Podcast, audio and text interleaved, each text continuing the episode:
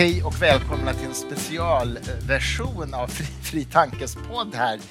Um, vi sitter på scenen på Scalateatern och ska strax ha en helkväll om effektiv altruism med anledning av att Peter Singers nya bok Det liv du kan rädda kommer ut på den svenska marknaden. Och jag har tre gäster med mig i podden. Vi ska alla vara på scenen sen under kvällen. Men eh, just nu är ni gäster i Fri Tankes podd.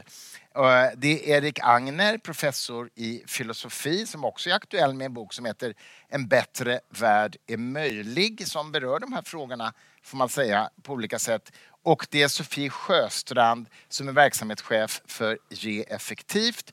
Och det är den effektiva altruisten, artisten, kompositören och gitarristen José González. Välkomna alla tre. Tack så mycket. Tack.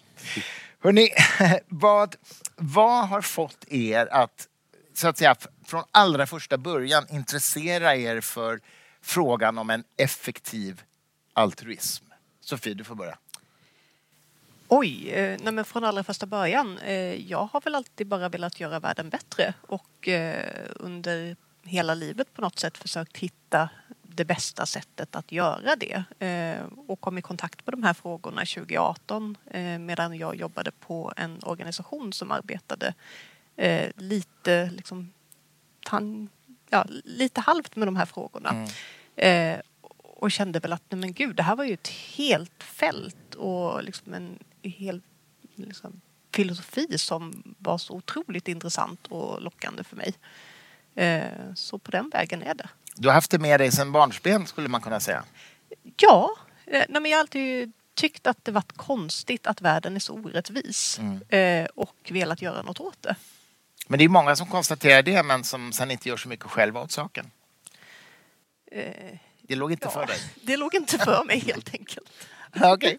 José då, du, du är ju ändå artist i första hand får man väl säga men du, det är ju ändå påtagligt så att de här frågorna eh, kommer till uttryck i ditt låtskrivande och i ditt engagemang. Hur, var, var kommer det ifrån? Eh, ja, men, när jag spolade tillbaks bandet så, så, när jag var tonåring då, då hängde det ihop liksom att spela musik och då var det ju hardcore-musik och klassisk gitarr vid sidan om. Men, men i hardcore-musiken då var det ju liksom att man skrek och då ville man också ha något att skrika om som kändes viktigt. Och då, då kom jag i kontakt med, med eh, edge-rörelsen som, som brydde sig om eh, djurrätt och, och, men också var anti-globalister. Och, så det var alla möjliga slags tankeströmningar. Det kopplat till en, en uppväxt med föräldrar från Argentina som flydde på grund av deras politiska åsikter. Då, då fick jag också väldigt mycket tankar om hur världen är, är tokig och dum. Och, eh, sen med åren så, så, så, så hittade jag liksom de, just det här med kostnadseffektivitet i samband med välgörenhet och i samband med global fattigdom. Och då, just den där blandningen kändes väldigt intressant eh, runt eh, 20 ja, 28, 29 mm. och 29 när, när den här boken kom ut. Och då, I sin då, första utgåva, ja precis. Ja, just det. Och, och då, då kändes det som att allt föll lite mer på plats på ett mm. lite vuxnare sätt. Ja, jag förstår. Jag förstår. Erik, du, du är kanske den av er tre som ägnat sig i akademiskt hänseende mest åt den här frågan i alla fall. Eh, du är professor i moralfilosofi och eh, jag sysslar ju verkligen med de här frågorna. Vad, vad kom ditt, hur föddes ditt intresse? Jag kommer ju till detta från precis motsatta hållet från Sofie, alltså från filosofin och de här abstrakta mm.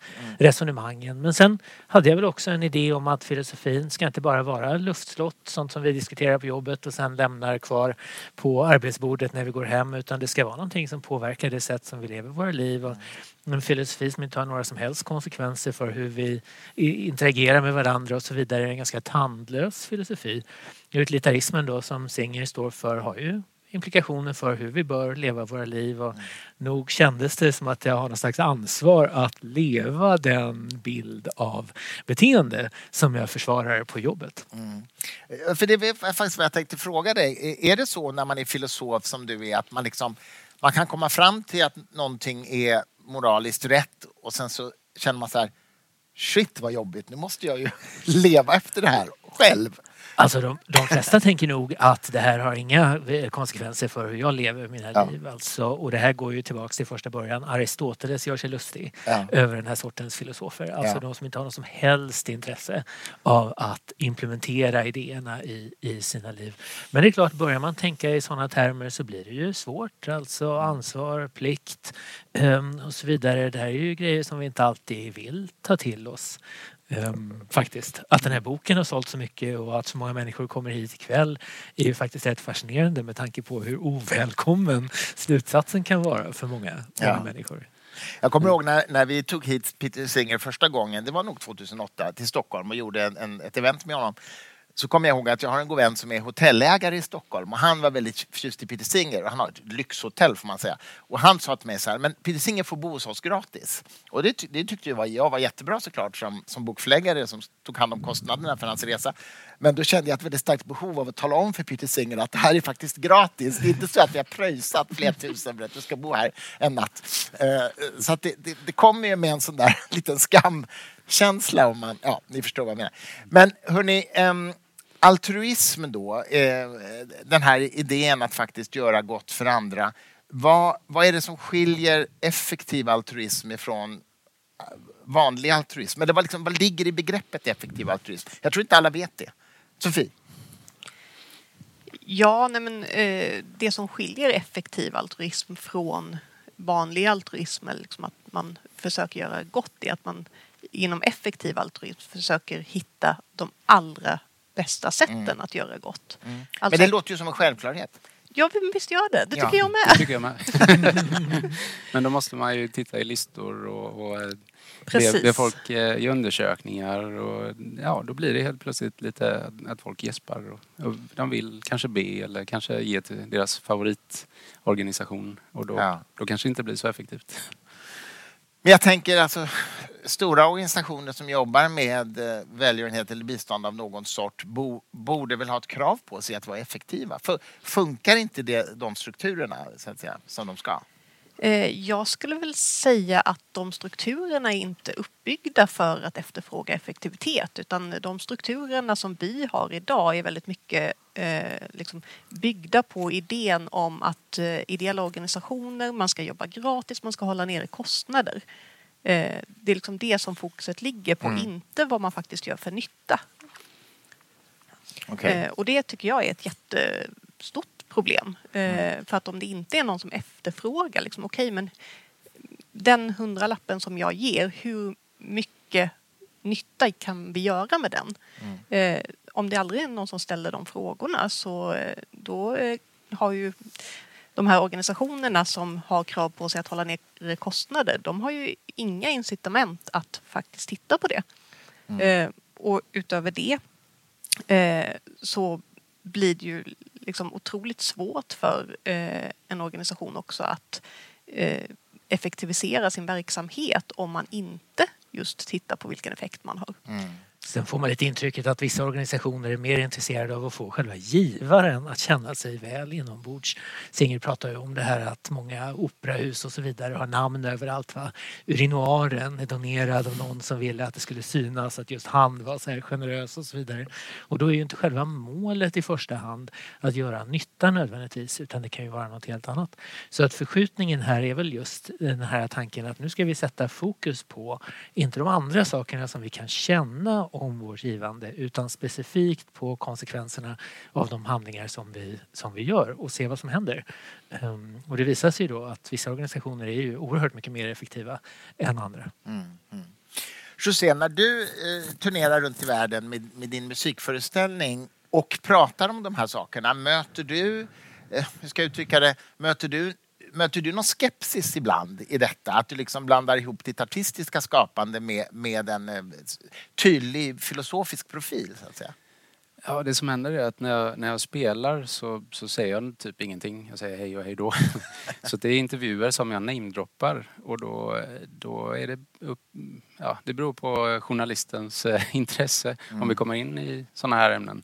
Och då, då kan det vara allt från eh, folk som verkar svinpeppade till folk som bara Jaha, ja, det, det är väl en, en bra grej i mängden av alla möjliga miljoner grejer man skulle kunna göra.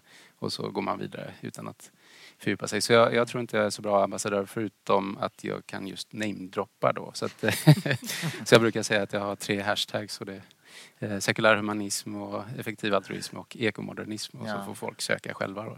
Ja, det är väl toppen. Alltså det är lite unikt den här effektiva altruismen att det har dykt upp en rörelse runt mm. det. Jag tänker vegetarianismen eller veganismen är lite liknande. Att det finns människor mm. som identifierar sig starkt som medlemmar av en gemenskap. Alltså. Mm. Men det här händer ju inte för alla filosofiska teorier. Ja, men den är intressant och det, det var nog där jag började liksom eh, bli intresserad på riktigt. Det var just när Oxford eh, forskarna. Toby Ord och William McCaskill och, och, och, ett lite större gäng även i Kalifornien och så där började prata om det här och hade, och hade liksom eh, möten online och så småningom eh, hade små konferenser. Och då märkte man att det här eh, drar till sig väldigt smart folk som säger väldigt smarta saker och inte bara då om att vilken välgörenhet man ska ge till utan också tänka kring eh, ja, pandemier och ny teknik och liksom Ja, så, så det är så om man... Den här boken är väldigt bra på att poängtera eh, idéerna kring just eh, hur, hur, man kan rädda liv eh, och fokusera just på extrem fattigdom. Mm. Men, men pratar vi effektiv altruism så är den väldigt stor och bred och, och innehåller alla möjliga slags tankar. Mm. Men jag tänker när du reser i USA, jag menar du är tydligt profilerad som sekulär humanist också, du reser i USA som ju delvis i alla fall är väldigt evangelikalt präglad så att säga. Va, vad händer i den friktionen? Så att säga? Ja men det, det, det tänker jag mig lämna till en annan, till en annan gång. Det, det är något speciellt när man börjar blanda in olika idéströmningar. Att vissa bara stänger av om, de, om man säger att jag, jag tror inte på Gud men du bör ge pengar till de här. Va, uh. så, så, okay, där, så, så, du menar att du är noga med att liksom inte prata om det? När du pratar det, om Jag tänker beroende på sammanhang så, ja, så, ja, för, så att i Sverige så är det liksom, ja, de flesta tror ju inte på, på, på gudar men kanske på tarotkort. men att, eh, men att eh, ja, eh, det är något speciellt när man vill förändra folks tankemönster. Att mm. man försöker nå dem där de är och inte liksom visa på vart man inte är sams. Eh, att man inte flaggar det för mycket. Så att säga. Jag tänker att musiken är ett väldigt effektivt sätt att, att nå människor och få kontakt med människor. På filosofiska institutioner är vi ganska bra på argument och sådär men vi är ja. ju värdelösa på det här att möta människor där de är och skapa någon slags kontakt om det inte redan finns en. Ja, precis, det, det är intressant det här med det finns en aura-effekt. Att, eh, så för de som gillar musiken, de kanske tror mer på vad man säger. Mm. Men för de som tänker kritiskt, de, de tänker tvärtom att vänta lite, han försöker sälja något med sin musik. ja, just det, det är sant. Men hörni, Peter Singer är ju väldigt tydligt uttalad utilitarist också, alltså eh, anhängare av den filosofiska skola som kallas för utilitarism. Eh, dels vill jag veta om ni är det också alla tre. Men innan det, Erik, du som är filosof, kan du bara definiera vad är utilitarism? Jo, utilitarismen är en moralisk teori som säger det att vi bör handla på så sätt så att vi maximerar det goda i världen. Mm. Vad det handlar om alltså är att titta på konsekvenserna av våra handlingar och försöka på något vis väga upp då det positiva och det negativa som följer av våra handlingar och välja det alternativ som har de bästa konsekvenserna. När man uttalar det så här, när man säger det på det här sättet så låter det kanske så uppenbart sant. Ja. Men vad som faller ur den här analysen då är såna här idéer om plikt och ansvar och sånt som är oberoende av konsekvenser. Så nu är det kanske ingen händelse att ganska många ändå effektiva altruister är utilitarister och så vidare. Men det kan ändå vara värt att påpeka att man behöver ju inte vara utilitarist för att vilja vara effektiv i sitt givande. Alla rimliga moralfilosofiska idéer implicerar ju att vi bör göra någonting för andra människors mm. eh, välbefinnande och så vidare. Och i så mått då är det ju inte orimligt att säga att vi ska försöka vara effektiva. Nej, det är sant. Men okej okay då, hur är det med er tre då? Är ni utilitarister? Mm. José? Jag är inspirerad av utilitarism. Men, men jag är noggrann med att försöka inte vara något 100 procent. Mm. Du vill inte sätta den etiketten? Och framförallt i mitt, eh, om man tittar på vad jag gör i min vardag så är jag, ja, det är, det är överallt. Det är Homer Simpson. 85 procent.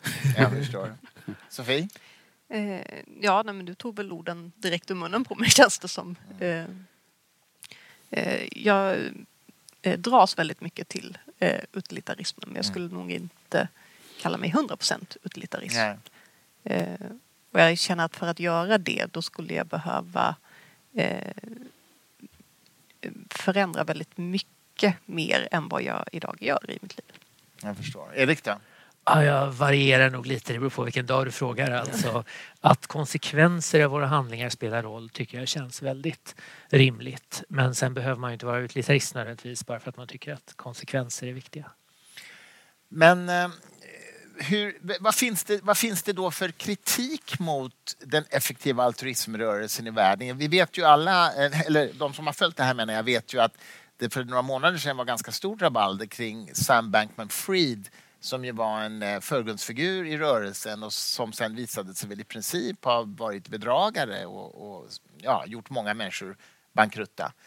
Um, hur, ja, hur ser liksom kritikbilden ut och hur, hur bemöts det? Jag inser att man kan inte hålla en idé eh, skyldig för en persons liksom, moraliska brister såklart. Men det finns väl ändå kritik mot effektiv altruism. Hur ser den ut? Ehm, ja, just I det fallet så var det liksom en, en ja, eh, ett sätt att få stor effekt, på, eh, god effekt på Eh, i världen är att bara tjäna så mycket pengar och sen ge så mycket pengar som möjligt och det var väl det han körde på. Eh, men, att, eh, men man kan ju inte göra det som... som på vilket sätt som helst? Nej, exakt. Nej. Så att, det, det säger sig självt att det säger mer om Sam Bankman-Fried än om ide, grundläggande idéerna, tänker jag.